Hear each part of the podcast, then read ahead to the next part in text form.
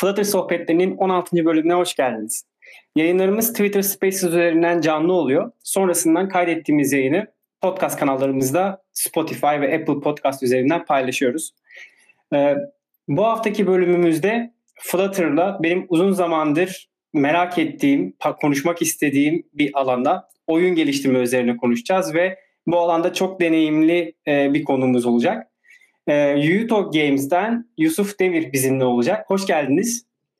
Teşekkürler. Merhaba. Merhaba. E, hoş geldiniz diyorum ama yani e, daha önce de size dediğim gibi böyle tanımadığım insanlara karşı siz diyorum ama yayınlarda da böyle biraz mesafe olunca çok da kavcı olmuyor. Bakalım bir şekilde devam edeceğiz. E, Yusuf diyeceğim. evet, evet, Çağatay. Ben de Çağatay diyeceğim. Evet süper. Ee, biraz kendinden bahsedebilir misin Yusuf? Yuto Games'de geçmeden önce şu an bize Yuto Games'in Twitter hesabından katılıyorsun. Evet. Şöyle tabii ki bahsedebilirim. Ee, ben Yuto Games'in kurucu ortağıyım. Ee, aynı zamanda da bir e, developer'ım. Yazılımla 2014 yılında tanıştım. Bu da nasıl oldu? Bilgisayar mühendisliğine başlayarak üniversiteyle e, tanıştım. 2000 19 yılında ise e, stajyerlikle beraber aslında profesyonel bir şekilde e, bir yazılım geliştirme konusunda e, kendimi geliştirmeye başladım. E, 2019 yılında e, bir şirkette IT bölümünde başladım. E, şu anki Yuto Games'teki ortaklarımdan e, Yusuf abi ve Tolgan da e, o zaman orada çalışıyordu. Ben de sonradan aralarına katılmış oldum aslında. Ee, orada bir mobil uygulama ihtiyacı vardı. Ee, 2019'un sonlarına doğru ben de e, Flutter'la tanışmış oldum. Bu sayede zaten Flutter o zaman yaklaşık bir yıl falan olmuştu. Hatta bir yıl olmamıştı e, tam sürümünün çıkalı. E, arkasında da Google olduğu için biz uygulamaları Flutter ile geliştirelim dedik. E, bu sayede de e, Flutter'la tanışmam oldu ve sonrasında e, yaklaşık Orada 6-7 mobil uygulama geliştirdim. Ve hani sadece mobille de kalmadık. E, yaptığımız uygulamaların backend'inde de biraz iş aldım. O yüzden yani sadece mobil olarak değil, e, backend tarafında da e, bir tecrübem var. Bu şey Yuto Games üzerinden e, konuşmak istiyorum. Sonrasında tekrar Flutter'a devam ederiz.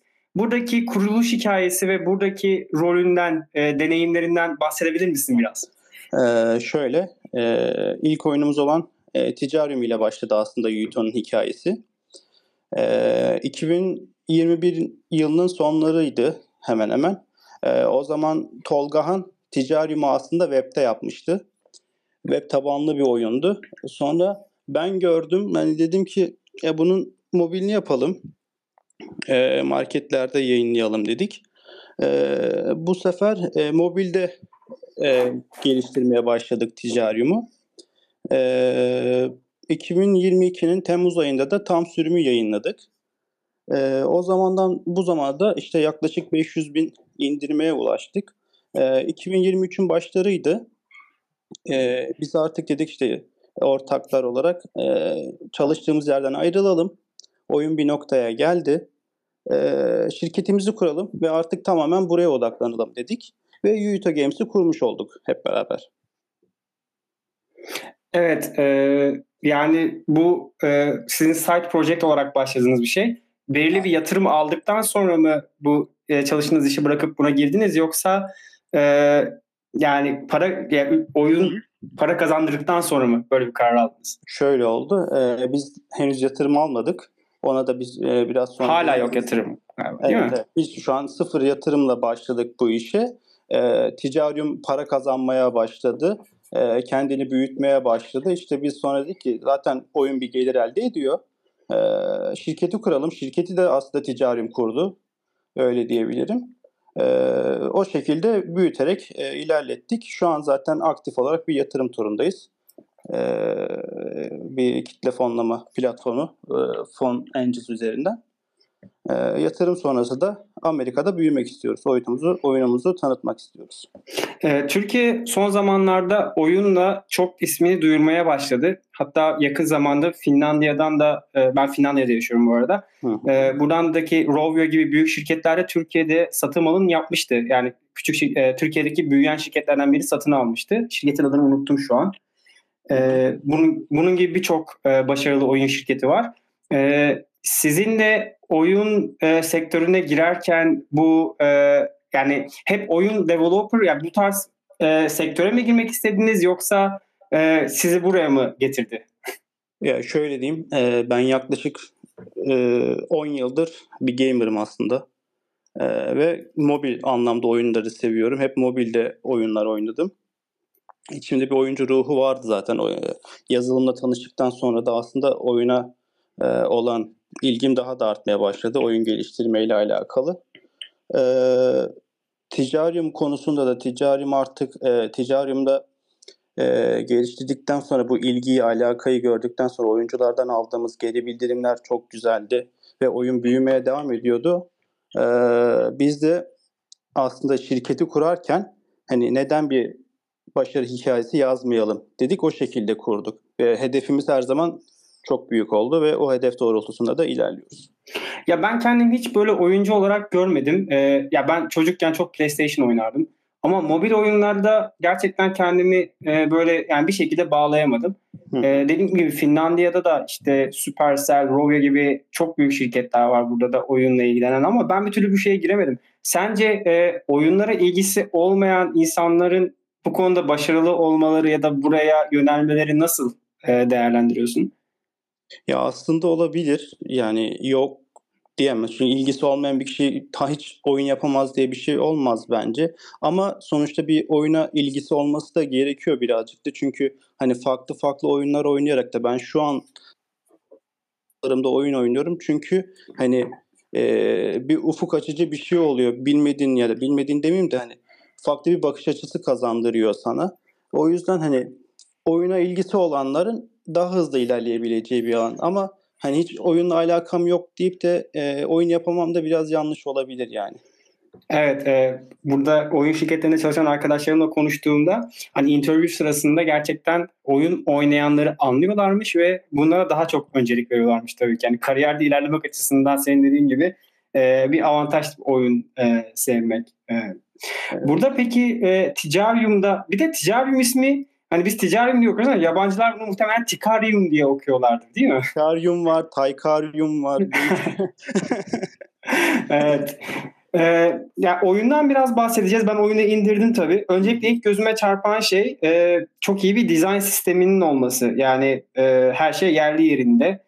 Dağınık e, bir sistem yok. Bu dizaynın oluşması konusunda çünkü hani oyun diyoruz ama bu aslında e, yani bizim bildiğimiz klasik 2D oyunlardan değil. 3D Unity oyunlarından değil. Aslında evet. bu bunu nasıl tanımlayabiliriz bu oyun kategorisini?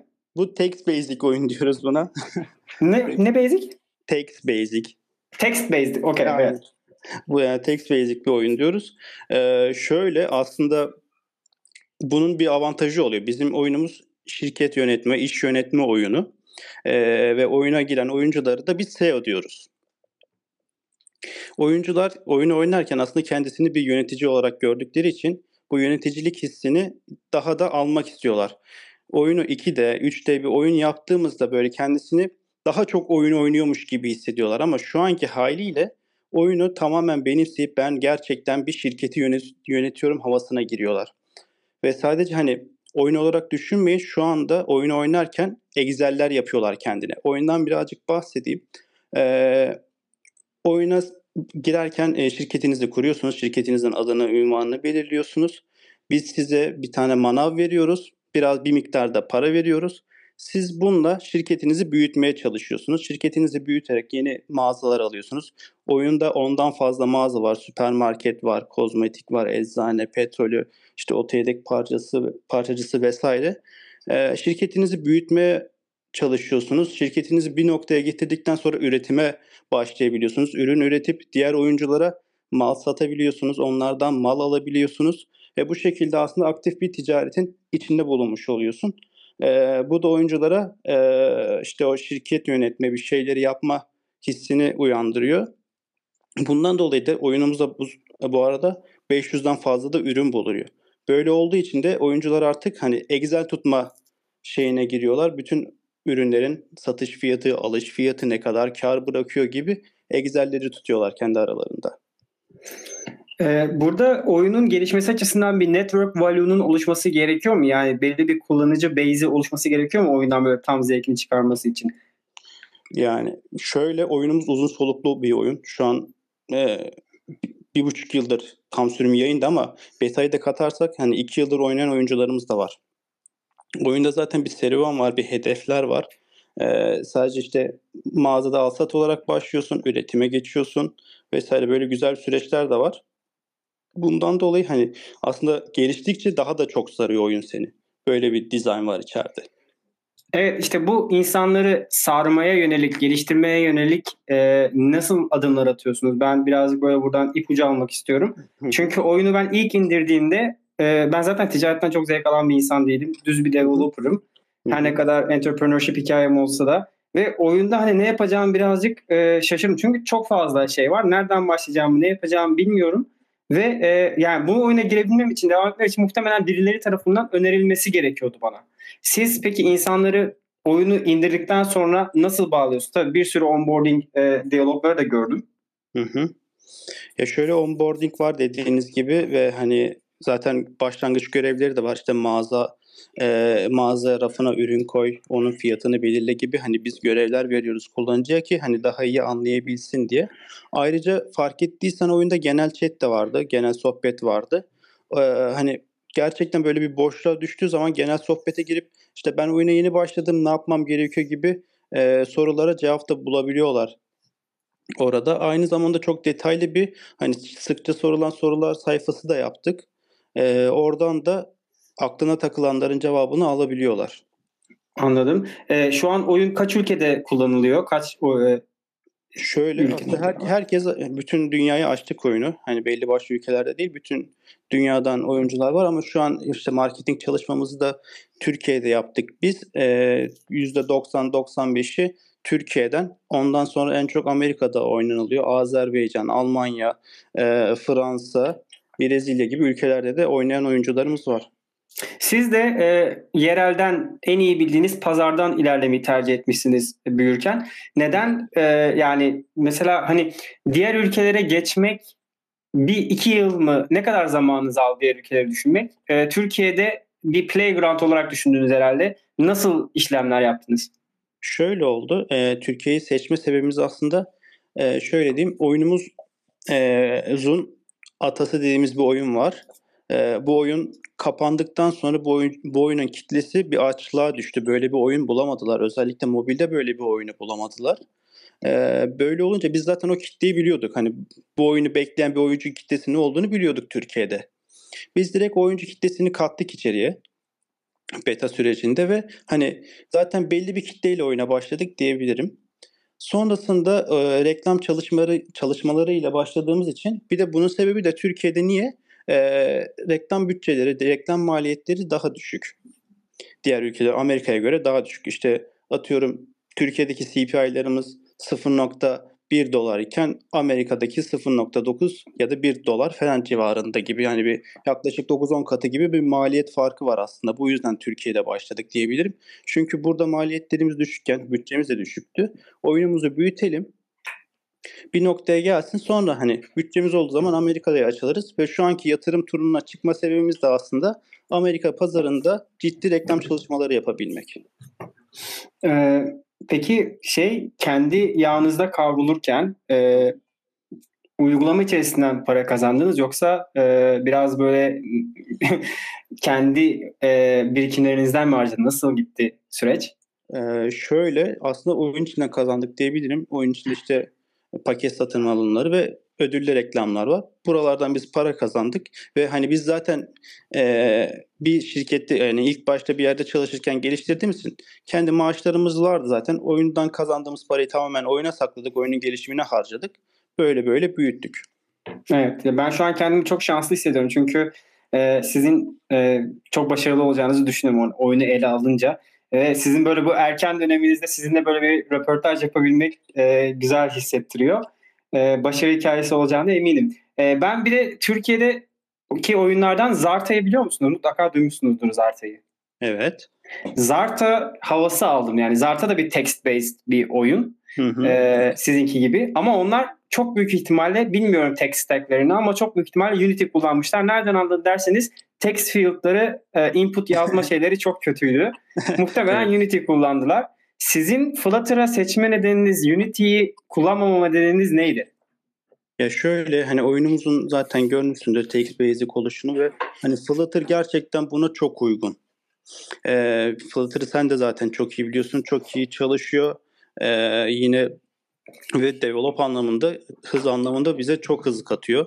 Ee, hani belki Unity'de birkaç günde yapacağım işi Flutter ile daha kısa sürede yapabiliyorum. Hani bir de Flutter geçmişim olduğu için benim e, biliyorsun ki develop sürecinde önemli olan şey hız. Ben şimdi Unity'ye tekrar başlayıp orada bir şeyler yapsam bana zaman kaybettirecekti. Ve Flutter buna çok uygun. Hani zaten cross platform ve kendini sürekli geliştiriyor. E, bu yüzden de Flutter'ı tercih ettik ve çok da memnunuz yani. E, dizayn sistemini nasıl oluşturdunuz? Çünkü şu an benim gözüme çarpan şey bir e, sistemli bir dizaynın oluşu.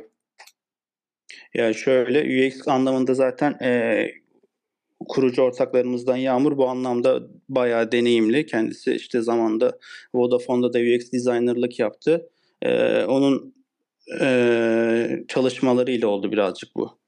Ama sanki şey de e, siz hani designerlar hep güzel dizayn yapar zaten evet. de developerlar uygulamıyor. Sıkıntı orada. siz sanki birazcık buna e, hız zaman e, şeyinde sanki buna biraz göz ardı etmemiş. Yani siz gerekli özeni göstermişsiniz yazılımı yaparken. Özellikle şeylerden fark ediyorum ben bunu. Bu gradiyantlar e, hı hı. E, bir de bu, bu dizaynın özel bir adı var mı? Bu dizayn sistemi. Çünkü bir yükseklik de görüyorum orada. Ya açıkçası hani dizayn anlamında bir ismi var mı? Ben onun cevabını çok veremem. Hı hı. Ee, ama e, çalışma yaparken Yağmur'la ben özellikle zaten çalışıyorum. Mobil kısmı ki ben yaptığım için. E, hani bu konuda gradiyantlar olsun, şadavlar olsun e, hani karşılıklı olarak zaten soru cevapla bunu yapar mısın diyor. Hani ben zaten diyorum bunu yaparım. O da ona göre çalışıyor zaten. Evet. Ve hani bu, bu şekilde güzel bir çalışma ortaya çıkıyor. E, tek başınıza mı developer? Hani bir, bir developer mı var burada? Yok yok. Dö- şöyle dördümüz de developer e, kökenliyiz. Şöyle anlatayım. Ben e, kurucu ortaklardan bahsedeyim birazcık da. E, en büyüğümüz Yusuf abimiz. Yusuf abinin e, yazılım anlamında 15 yıldan fazla deneyimi bulunuyor. Kendisi özellikle e, backend konunda, konusunda çok deneyimli ve e, yazılım ekibi yönetmiş tecrübesi var.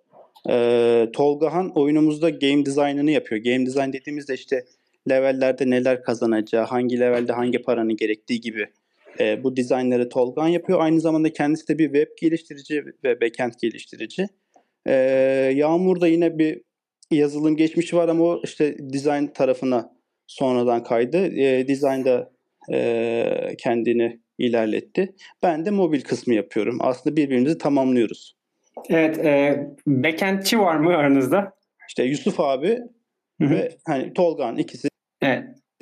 Bende de backend var ama ben backend olarak e, kendi backendiniz mi var yoksa e, backend as a service mi kullanıyorsunuz? Firebase ya da e, yok yok kendi sus sonucumuz var. Ee, evet. kendi web servisimizi yazdık.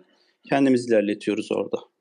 Evet. E, peki Flutter'la bu e, işe girerken böyle ya bu da Flutter yani zorlaştıran bir şey oldu mu sizi? Böyle önünüze çıkan hani bunu yapamadık dediğiniz bir şey oldu mu? Hmm. Ya aslında şöyle Flutter'ın zorlukları Flutter güncellemeleri oluyor bazen. Hani çok sık güncelleme aldığı için ee, birazcık oralarda hani güncelleme yapıyorsun bazen hani şeyler bozuluyor vesaire.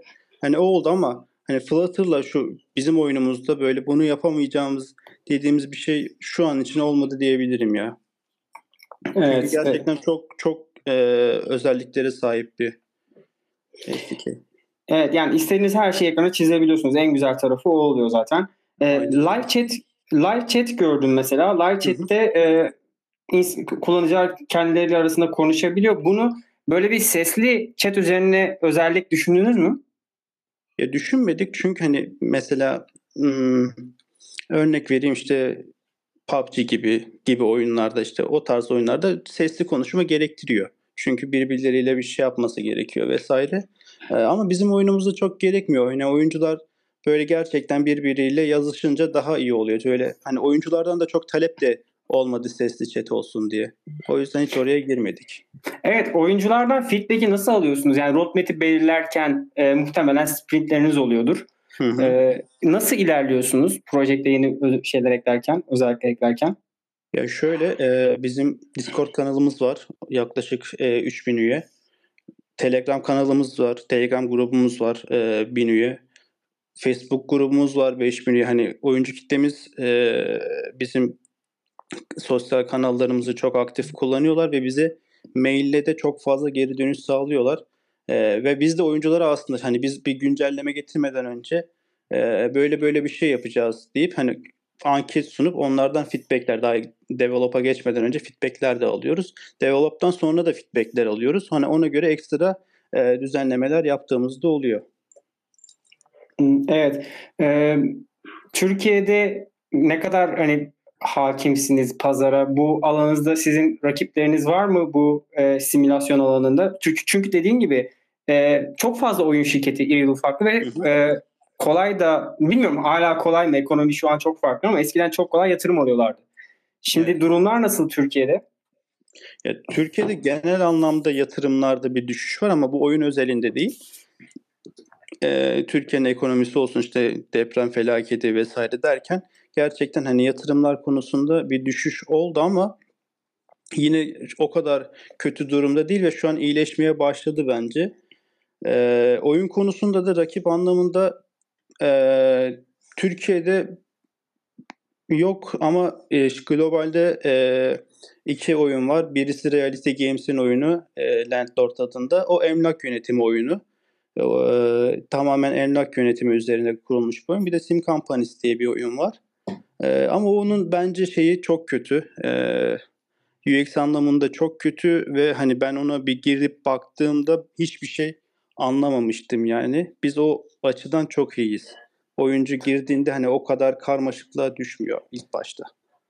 Evet aslında hani bana biraz karmaşık geldi çünkü benim bu oyunlara hiç e, alakam yok. Hı hı. Ama muhtemelen oyunlara bu bu tarz oyunlara ilgisi olan kişilere e, özellikle e, targeted reklam yapıyorsunuzdur diye düşünüyorum. Evet. E, evet. Yani çünkü alakası olmayan bir için gerçekten e, çok zor bir şey. Peki e, ben bakıyorum harcamalara. Mesela 110 liralık paketler var. E, Türkiye'de harcamalar nasıl? Ya Türkiye'deki harcamalar e, yani Amerika'ya kıyaslarsak aslında tabii ki daha düşük ama yine kötü değil. Zaten biz hani Google Play ve App Store haricinde oyuna ekstra bir ödeme yöntemi işte Shopify üzerinden de bir şey entegre ettik ki oradaki komisyonlar daha düşük. Hani oyuncularımız, Türkiye'deki oyuncularımız e, daha kolay satın alma yapabilsinler diye onları böyle bir e, güzellik yaptık ve hani oradan da satın almaları oluyor. Ama bizim oyunumuz özelinde bizim oyunumuzun kitlesi genelde 18 ile 40 yaş arası biraz daha e, büyük yaşta olan kesim olduğu için oyunu sevdikten sonra para yatırmaktan da hiç çekinmiyorlar yani. Peki çok, az önce çok e, ilginç bir detay verdiniz. Bu Apple atlayarak daha düşük komisyon ödemeyi nasıl yaptınız? Ee, işte dediğim gibi ekstra bir sayfa açtık. Oyuncular da bu sayfayı biliyorlar. Web sitesi üzerinden mi? Yok kendi Shopier üzerinden. Ee, Shopier'i bilmediğim için ben... E... Shopier'de şöyle, Shopier'de dijital ürün satabiliyorsunuz. Tamam mı? Yani Etsy ee, gibi bir yer mi? E, şöyle hani normalde bunu şey normal e, ürün satanlar da koyabiliyor. Ürün alıyor, kargo ile satın alıyorlar. Biz dijital ürün satıyoruz. Oyunla entegrasyonu nasıl yaptık? E, kendimize bir API yazdık ve e, oradan sipariş geldiğinde oyuncu kendi ID'sini yazıyor ve kendi hesabına aldığı paket gitmiş oluyor. Evet özellikle son zamanlarda bu komisyonlarla ilgili çok e, şeyler dönüyor Twitter'da. E, uygulama içerisinde herhalde buna hiçbir şekilde e, bağlantı vermiyorsunuz değil mi? Uygulamanın dışarısından insanlara ipucu veriyorsunuz. Aslında şu an zaten Apple son şeyde izin verdiğini açıklamıştı. Ama ee, o izin veriyor da sanki çok da e, biraz sinsi bir şekilde mi izin veriyor? Çok e, bir şeyler dön takip edebildiniz mi onu? O konuda bilgi verebilir misiniz? Ya şöyle e, ya aslında şey direkt olarak karışmıyor. Çünkü biz şöyle yapıyoruz. E, hani ne diyeyim ona? Biz uygulamadan dışarıya atmıyoruz. Uygulama içinde gösteriyoruz birazcık da. Birazcık da. Yani uygulama içerisinde gösterirken zaten Apple buna çok karşı çıkıyor. Hı hı. e, burada size bir dönüş yapmadı mı Apple hani bunu yapamazsın diye? Yok aslında biz şey hani oradan da şey yapınca biz aslında en çok Discord kanalından vesaire de duyurularımızı yapıyoruz. İyi güzel. O zaman şimdi yani ben ağzımı kötü şey yapmayayım da hani kötüyü çağırmayayım da çünkü ne yapacakları belli olmuyor gerçekten. Evet evet. Ya biz zaten hani duruma göre aksiyon alabiliyoruz hızlıca. Evet. Bu Yuito ismi nereden geliyor? ee, Yusuf Yusuf Tolgan'dan geliyor. Çok güzelmiş hikayesi. evet. Ee, burada ben şimdi Yuito Games'e e, girdiğimde yani daha doğrusu size Phone Angels diye bir e, bilgi vermiştiniz ve kampanyanız herhalde dün başladı değil mi? Evet dün başladı. Biraz bu kampanyadan konuşalım ve e, bu kampanyadan öte aslında bizim dinleyici kitlemiz genelde developerlar oluyor. Hani böyle çok e, deneyimli entrepreneur ya da designerlar, e, farklı alanlardan insanlar değil de başarı hikayesi yapmak isteyen, Flutter'da çok fazla sizin de dediğiniz gibi hızlı bir şekilde business'a girmeye yardımcı olan bir şey. Business'a girmeye çok meraklı developer hikayesi hikayelerinden oluşuyor. Ee, o konuda hani bize bilgi verebilir misiniz? Neler yapabilir bu fikirler olan insanlar? Ya şöyle Fonengis tarafından bahsedeyim. Fonengis bir kitle fon, e, fonlama platformu. E, girişimler e, oraya seçilerek giriyorlar. Hani oraya girmek de kolay değil aslında. Fikrim Crowdsourcing'in Türkçesi mi oluyor kitle formu? Kitle, crowdsourcing. Crowdsourcing diye bir şey var. Crowdsourcing. Herhalde Türkçesi kitle Galiba öyleydi. Hani evet. Galiba Hı-hı. öyleydi. Evet. Ne, çünkü o kavramı da biraz açabilir misiniz? Yabancı çünkü.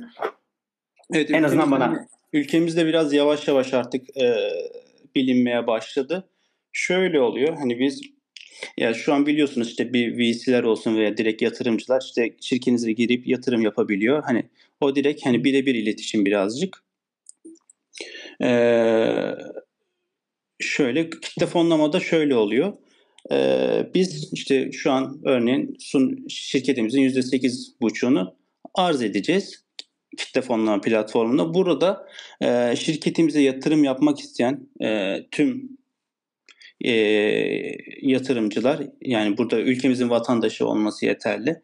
E, kayıt olup platforma kayıt olup e, yatırım yapabiliyorlar. Bu şekilde e, şirketimize ortak olmuş oluyorlar aslında.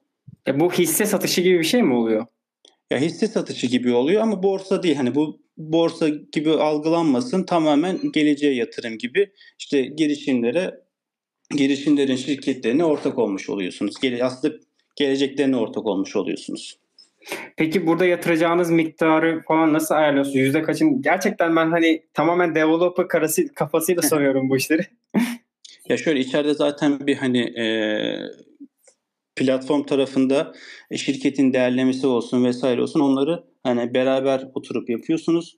İşte biz örneğin şirketin %8,5'unu vereceğiz, vereceğiz karşılığında işte şu an hedefimiz 7 milyon 650 bin e, TL toplamak e, ve kişiler de buraya yatırım yaptığında aslında bu işte 8,5-7 milyon 650 ya hani yatırdıkları miktar kadar hisseye sahip olmuş oluyorlar.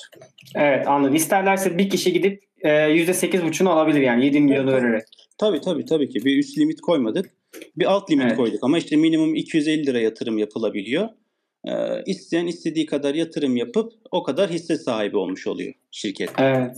Ee, aslında şu an yatırım tavsiyesi midir değil midir bir bakalım. yatırım yatırım tavsiyesidir şöyle. E, oyunumuz işte Türkiye'de güzel bir kitleye ulaştı.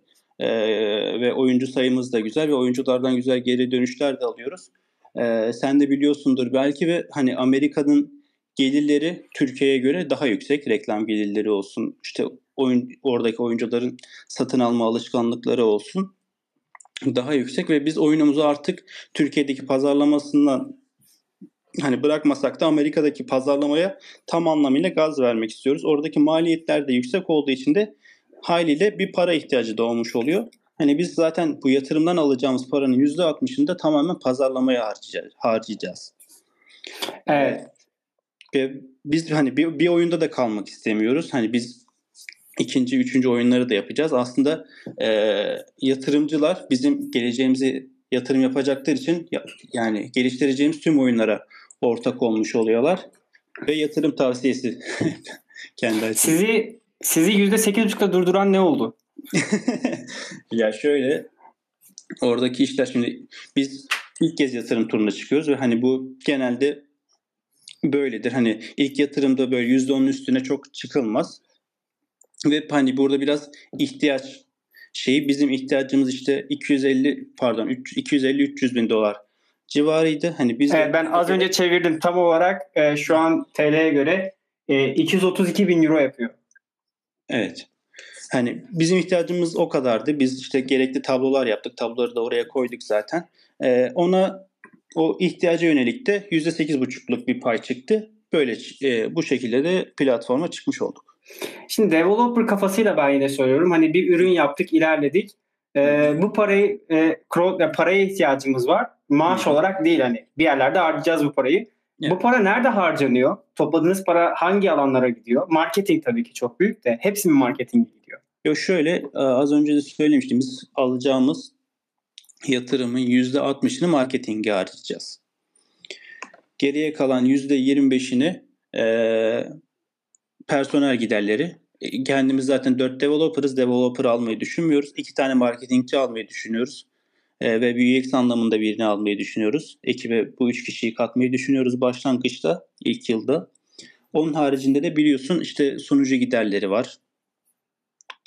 E, işte ofis kirası vesaire bu tür giderlere gidecek kalanda.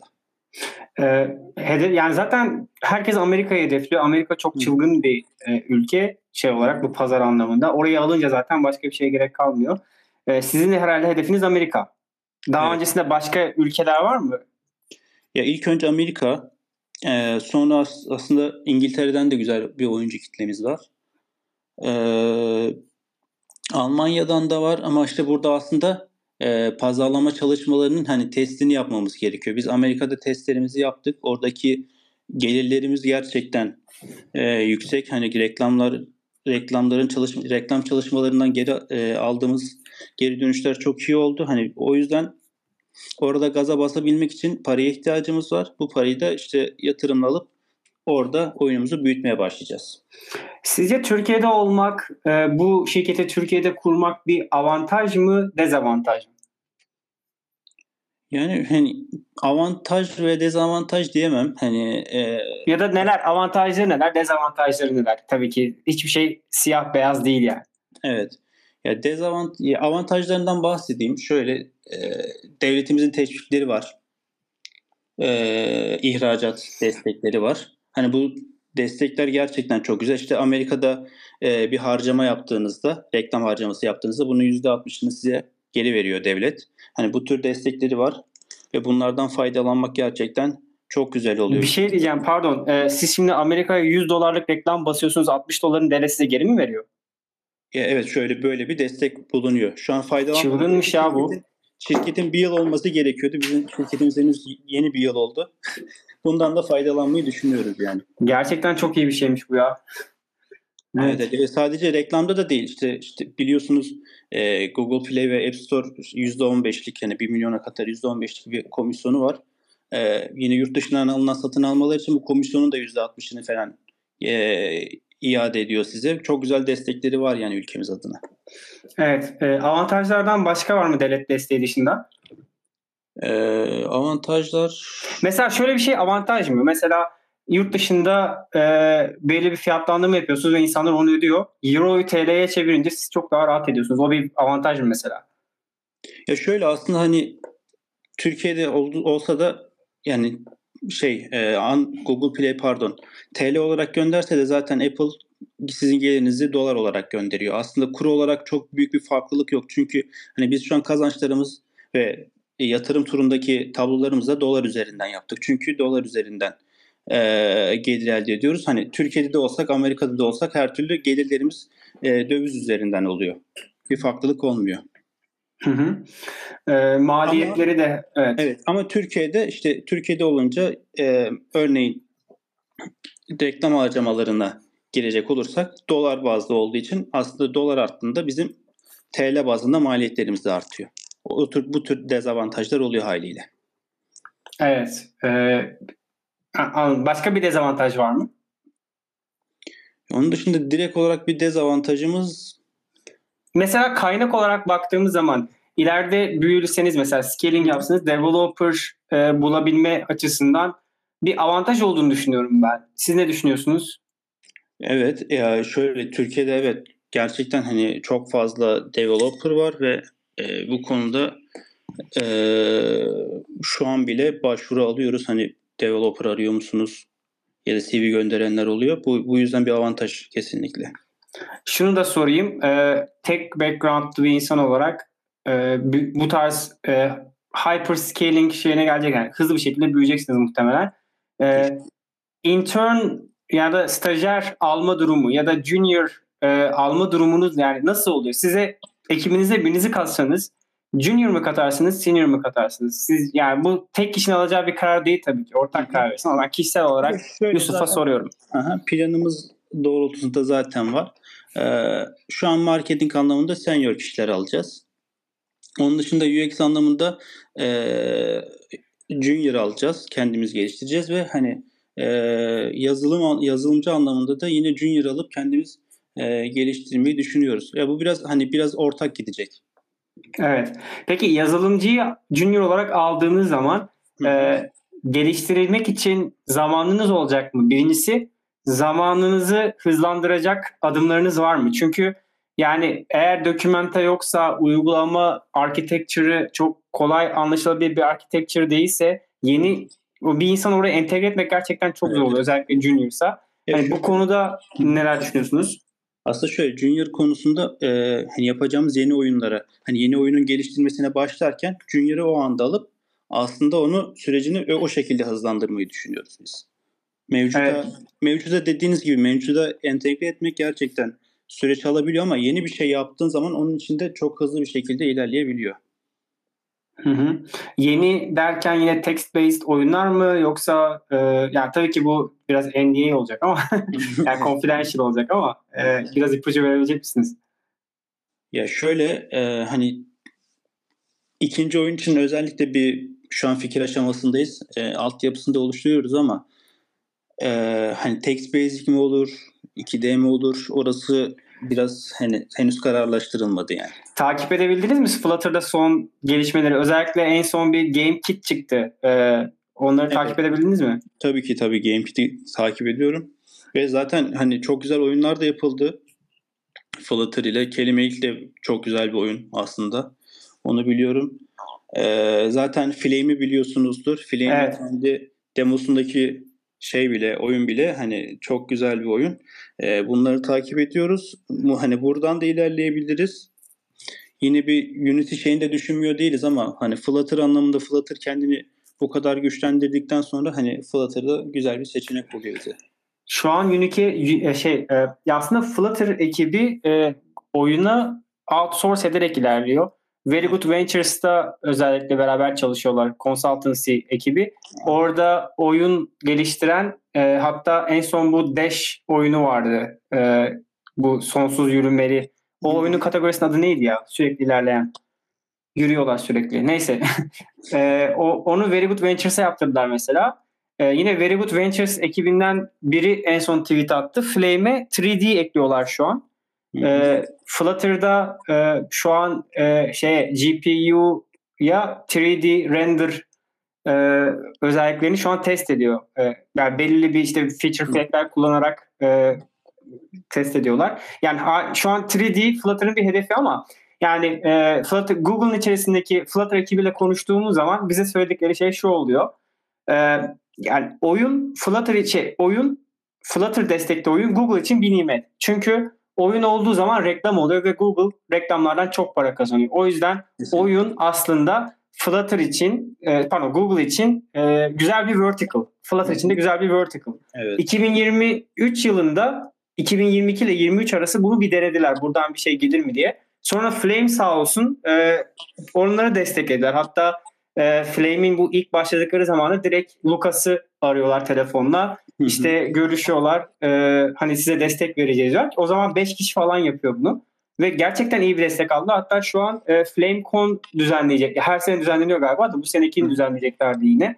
E, ama onlar daha çok dediğim gibi e, böyle 2D e, oyunlar, text-based oyunlar değil. Ama sizin böyle e, simülasyon mu ilerleyeceksiniz hep? Çünkü yani Evet. sonuçta bir know-how da gerekiyor bunun için. Kesinlikle. Ya bizim zaten hani Yuto Games olarak şeyimiz hani mobil strateji ve e, simülasyon oyunları geliştirmek.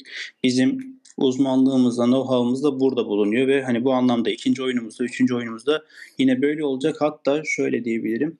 Biz ikinci oyunu e, geliştirmeye başlarken biz ikinci oyunun küçük bir halini Ticarium'a ekleyip Ticarium'daki oyuncularla işte geri, geri feedbackler alıp e, ikinci oyunun geliştirmesini de o şekilde büyütmek e, istiyoruz ve hani bu şekilde aslında oyunlarımız birbirini beslemiş olacak. Ticarium'un oyuncusu ikinci oyunu oynayacak, ikinci oyuna gelen oyuncu Ticarium'u görüp Ticarium'a da kayacak.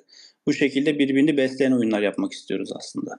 Aslında simülasyon derken text-based simülasyon var. Bir de Age of Empires ya da Red Alert gibi böyle simülasyonlar da var. Ee, siz text-based'de herhalde çok karar vermediniz henüz. Hangisine geçebileceğiniz açısından. Ya evet orada aslında şöyle oyunun temasının e, ve oyunun kitlesinin hani ne sevdiğine bağlı.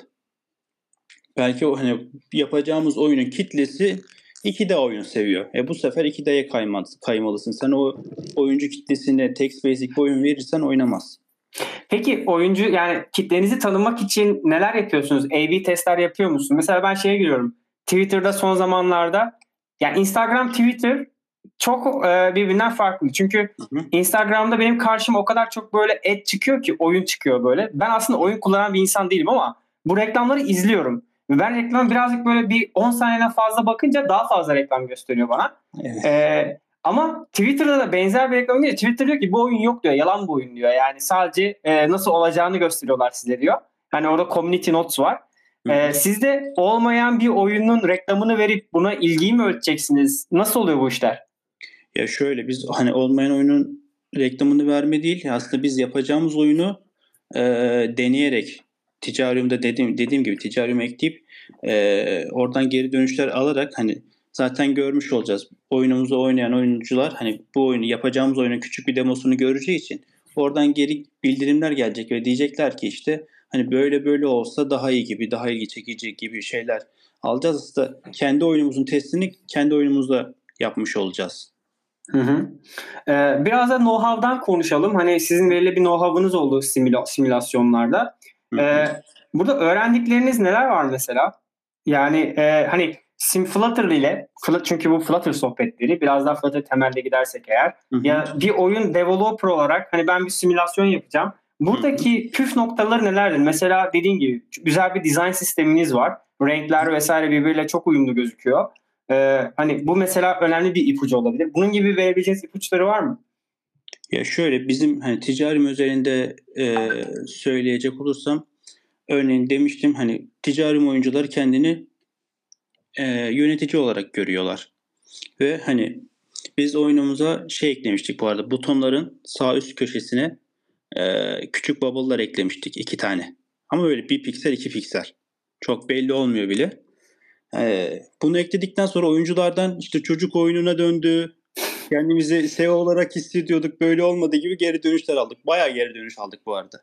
Hani biz de ondan sonra kaldırma durumunda kaldık. Hani burada aslında oyunculardan e, oynayarak ay, pardon oyunculardan aldığımız geri bildirimler sonucu hani bu tarz oyunları oynayan oyuncular kendini e, oyunun içinde gerçekten varmış gibi hissetmek istiyorlar. Gerçekten ben bir şeyleri başarıyorum adı üstünde simülasyon olduğu için ben onu gerçekten yapıyormuşum hissini almak istiyorlar oyundan. Ee, 3D e, şeyleriniz var mı? Design e, böyle hedefleriniz? Ya açıkçası şöyle ben e, şu an çalıştığım şirkette çok başarılı 3D e, designerlarla çalıştım ve aynı zamanda şirketin direkt kendisiyle özdeşleşen bir de mesela maskotu vesaire var. Hani böyle biraz daha e, o olaylara girmek istiyor musunuz?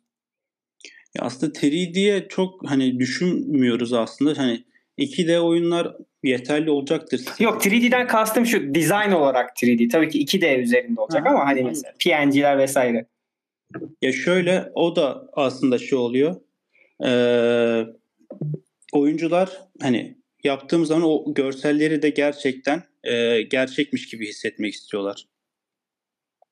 Bundan dolayı da 3D çalışmalarda e, yaptığımız zaman aslında oyunun bütününde bir şey yapmamız gerekiyor. Yani şu kısım 3D olsun, bu kısım tek olsun gibi değil de e, 3D yapacaksak yeni oyunda tamamen 3D e, dizaynlar kullanmış oluruz. Anladım. Bunun için de özel designerlar da gerekiyor tabii ki. Tabii, tabii ki. Onun için de bir ekip gerekiyor. Lokalizasyon olarak baktığımızda kaç dil destekliyorsunuz şu an? Şu an Türkçe ve İngilizce var. Evet ya hı.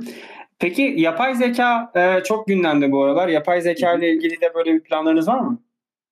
Yapay zeka ile alakalı e, bir planımız aslında bulunmuyor ya şu anda. Çok ilginç çünkü şu an herkes yapay zeka konuşuyor. Evet, yani şöyle bizim oyunumuz özelinde şu an hani evet. e, entegre edebileceğimiz bir yer e, çok bulunmuyor. Anladım. Ee, ben de bu arada sorularımı sormaya devam ediyorum. Bir yandan da Flutter'a da e, yönelmek istiyorum. Ya da Tech Stack'a yönelmek istiyorum. Ee, kendi server'ınızın olduğunu düşün, söylemiştiniz. Burada scaling problemleri yaşıyor musunuz kullanıcı sayınız arttıkça?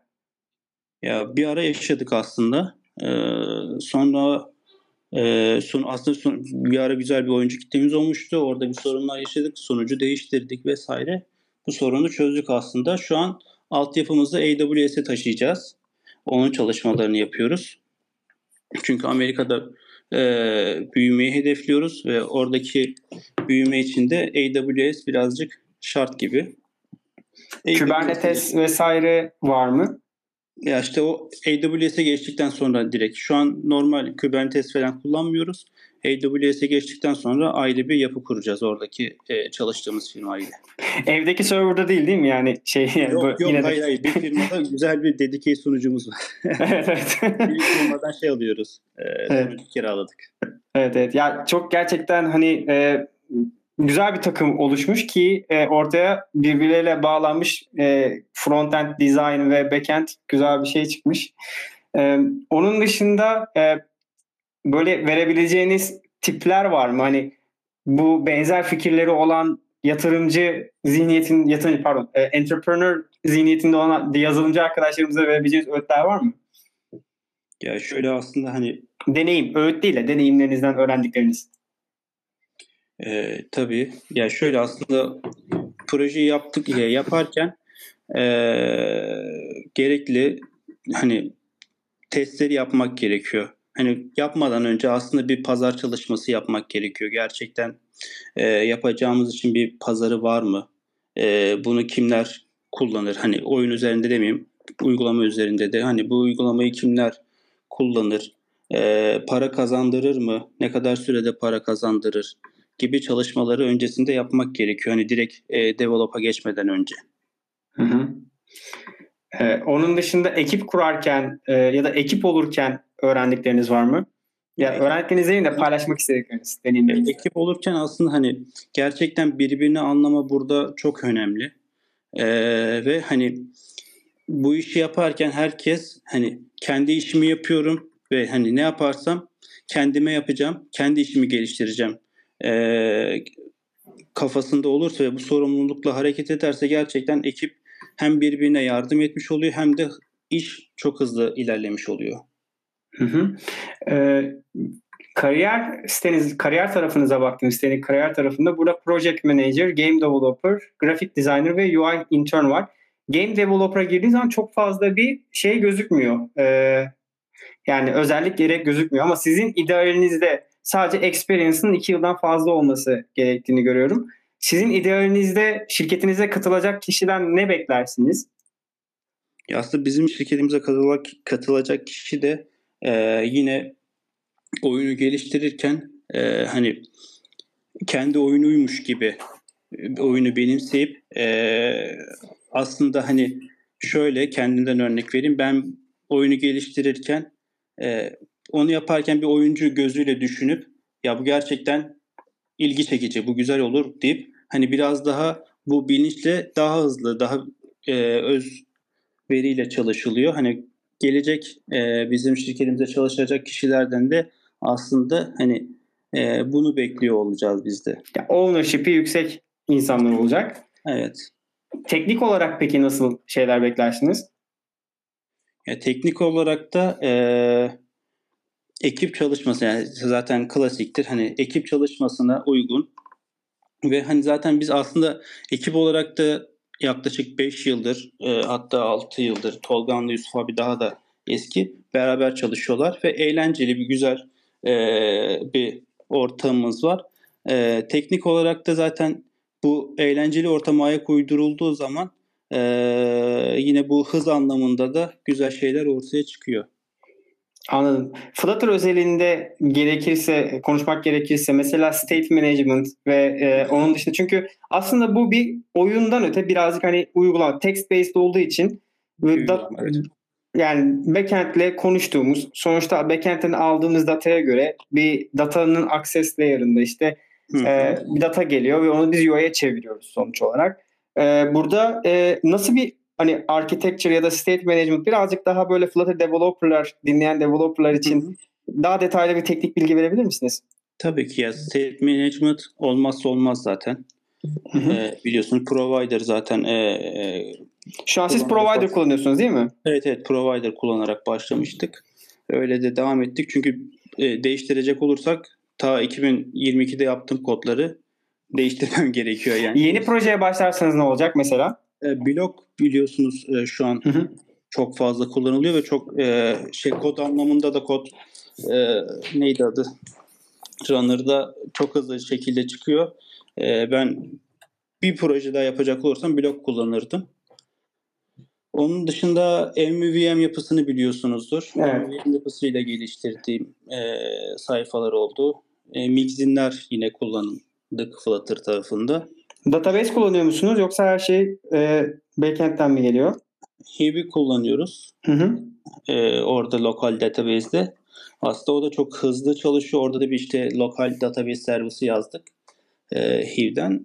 O şekilde e, son şeyler olsun, bildirimler e, olsun, işte kullanıcı dataları olsun orada saklıyoruz.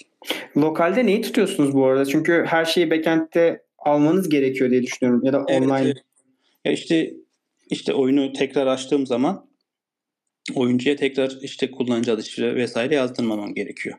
Hı hı, anladım. Tokenlar olsun, kullanıcı mail olsun, UID'ler vesaire bu dataları tutuyorum. Peki uygulamanın boyutu çünkü uygulamada çok fazla asset var şu an. Yani yüksek bir boyutta herhalde olsa gerek. Şöyle 60-70 MB oyunun kendi boyutu asetleri şey yapıyoruz. Sonradan indiriyoruz. Oyunu açarken Hı. indiriyoruz. Onu şey yapmadık. Zip dosyası olarak sunucudan indiriyorsun asetleri ve hani o şekilde çalışıyorlar. Güzel bir taktikmiş. Daha önce e, duymamıştım ben bunu. Evet. E, architecture olarak da e, biraz bahsedebilir misiniz? E, mimari olarak MVVM kullandım demiştim zaten. Hı hı. E, burada bazı sayfalarda özellikle zaten e, modelleri, data modelleri oluşturuyoruz. E, sonra view'leri oluşturuyoruz. Bir de view model'ları oluşturuyoruz. E, bu şekilde entegreli çalışmış oluyorlar zaten. Hı hı, evet. E, evet. E, repository pattern gibi patternler var mı yoksa e, direkt MVVM'e e, backend'den bağlıyor musunuz?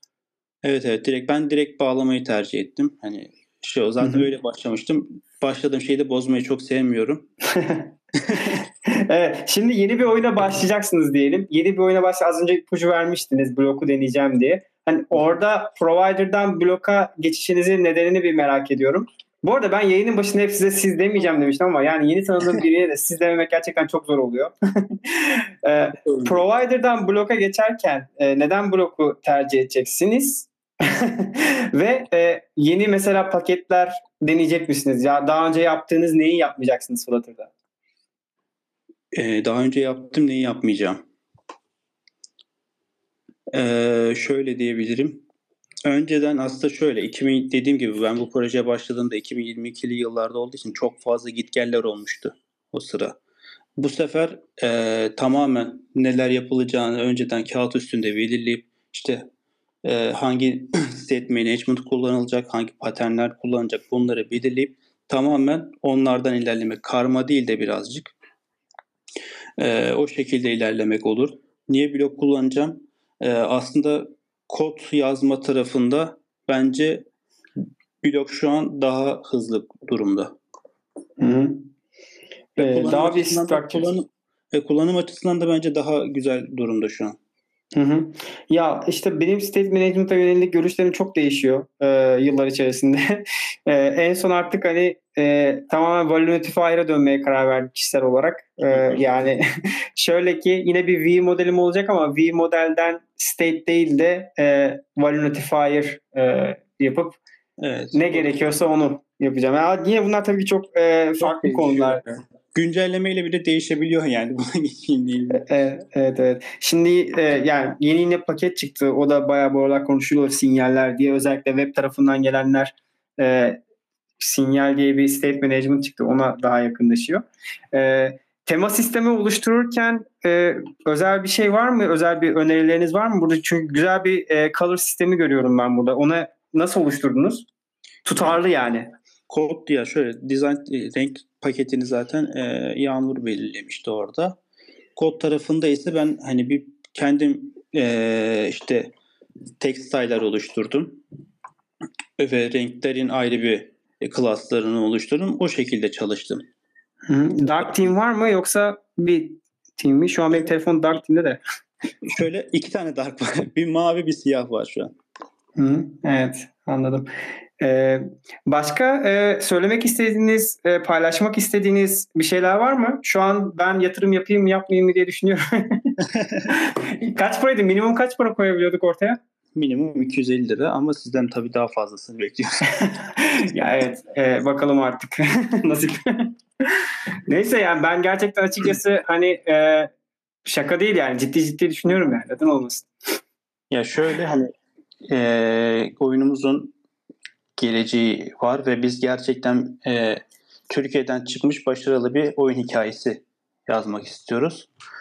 E, ve planlarımızda hep hani şirketi kurarken de hep hedefimiz buydu zaten. Ve hani hani bir hayal değil zaten bir buçuk yıldır markette olan bir oyun. Belli bir temeli oluşmuş belli bir oyuncu kitlesi oluşmuş ve hani geri dönüşleri de güzel olan bir oyun ee, bu yüzden hani geleceği var. Biz bunu gerçekten büyütmek istiyoruz ve hani dünyada duyurmak istiyoruz ve hani dünyada bilinen e, bir oyun şirketi olmak istiyoruz. Hı hı. E, bundan dolayı da e, yatırımcılarımızı e, Fon Angels üzerinden yatırım yapmasını bekliyoruz. Anladım. E, yavaş yavaş yayının sonuna gelirken yine bir şey soracağım. E, hani böyle bir yola girdiğiniz zaman e, fon işte bu işe girdiniz. Şimdi mesela nasıl bir marketing var Yani bu yatırım aldığınız nasıl duyuracaksınız? Ya yatırım aldığımız zaten... Pardon yatırım aldığınız değil. Yatırım mı yapabileceğini, insanların yatırım yapabileceğini nasıl duyuracaksınız? Ya şöyle e, zaten çeşitli e, kişilerle iletişime geçip, geçip e, çeşitli şekillerde haberler yapılıyor. E, aynı zamanda bazı işte influencerlar olsun, youtuberlar olsun bu şekilde de çeşitli reklam çalışmaları yapacağız fonlamayı duyurmak için. Ve birebir görüştüğümüz kişiler de oluyor aslında. Hani biz böyle bir tura çıkıyoruz, e, yatırım yapmak ister misiniz gibi e, görüşme yaptığımız kişiler de oluyor. Hı, ne zaman bitiyor süre? E, kampanya iki ay açık kalıyor.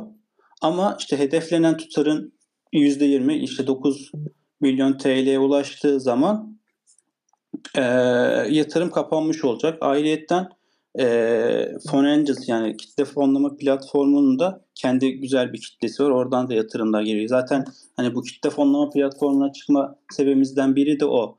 E, buradaki yatırımcı kitlesi var. Bu yatırımcı kitlesi bizim oyuncumuz olacak. E, bizim oyuncumuz da aslında bizim yatırımcımız olacak. Biz bunu kazanmış oluyoruz bu şekilde. Evet. Ya aslında yani hiçbir şey yok. Yani küçük bir miktarla girerek de yani ben yıllar önce bir şey yapmıştım. 250 lira, şuraya koymuştum deyip satıldığınız zaman zengin olma durumu da olabilir tabii. evet evet kesinlikle. Zaten e, dediğimiz gibi ikinci gündeyiz. Hatta bir yani işte bir buçuk iki gün oldu. %10'u fonlandı zaten. Güzel de gidiyor. Ee, inşallah daha da hızlanacak. Evet. E, çok başarılar diliyorum ben size. Bu arada e, yani Flutter sohbetlerinde böyle her hafta her farklı e, profilde kişilerle görüşüyoruz. Bu çok değişik bir e, şey oldu. Profil oldu benim için. E, yani nasıl desem e, bir developer geçmiş şimdi biri. Hani developer kimliğini bir yanda tutup bir yandan da hani büyük resme bakarak hani sadece kod yazma konfor zonunun dışına çıkıp e, daha böyle işin içerisine girip e, mutfağına girip business'ın içerisinde olmak da güzel bir deneyim. E, son cümlelerimiz şöyle olsun istiyorum. E, ne öneriyorsunuz arkadaşlarımıza son kez? Evet ya yazılımcı konusunda aslında hep yazılımda kalmamak gerekiyor. Hani e, bu işin gerçekten hani zaten kendi çevremde de bir sürü bilgisayar mühendisliğinden arkadaşlarım da var. E, gerçekten yazılımda kalmayıp bu işin business'ına da girmek istiyorlar. E, business'ına da girerken aslında cesur olmak gerekiyor. Risk almak gerekiyorsa da risk almak gerekiyor. E, ve hani emin adımlarla ilerlemek gerekiyor açıkçası. Risk alınacaksa bence bu risk eğer şeyse e, değecekse yani değdiğini düşünüyorsa bence girmeli yani. Ama şöyle bir de sıkıntı yok mu? Yani risk alınıyor ama bir yerden sonra da o e, projene çok bağlı oluyorsun ve e, yanlış yere gittiğini ya da olmayacağını böyle düşündüğün aklına geldiğin sizde olduğunu bilmiyorum. Başarılı tamamen çok olumlu sinyaller almış da olabilirsiniz ama hı hı. hani bazen böyle olumsuz sinyaller de aldığın zaman da böyle çok çünkü herkesin yapmak istediği bir şey ama çok zor. Başarılı olmak çok zor. Hani 100 tane böyle bir hikaye varsa bunun yüzde kaçı başarılı oluyor? Çok düşük bir oran var. Ee, burada vazgeçme anı ne zaman ya da siz öyle bir şey oldu mu hiç? E bizde hani açıkçası kendimde olmadı. Ee, ama bence vazgeçilmemesi gerekiyor. Gerekiyor. Hani biri bitse diğeri olur düşüncesiyle Hı-hı. denemek gerekiyor aslında. Denemekten de korkmamak lazım. Projeden vazgeçmeden bahsetmiştim aslında. Hani projenin olmayacağını anlama süreci, onu kabul etme Aha. süreci. Ya projenin olmayacağı süreci e, hani sonuna kadar gitmen lazım bence. Çünkü bir bakmışsın hani hiç olmayacak dediğin noktada oluverir yani. Hı hı. Anladım.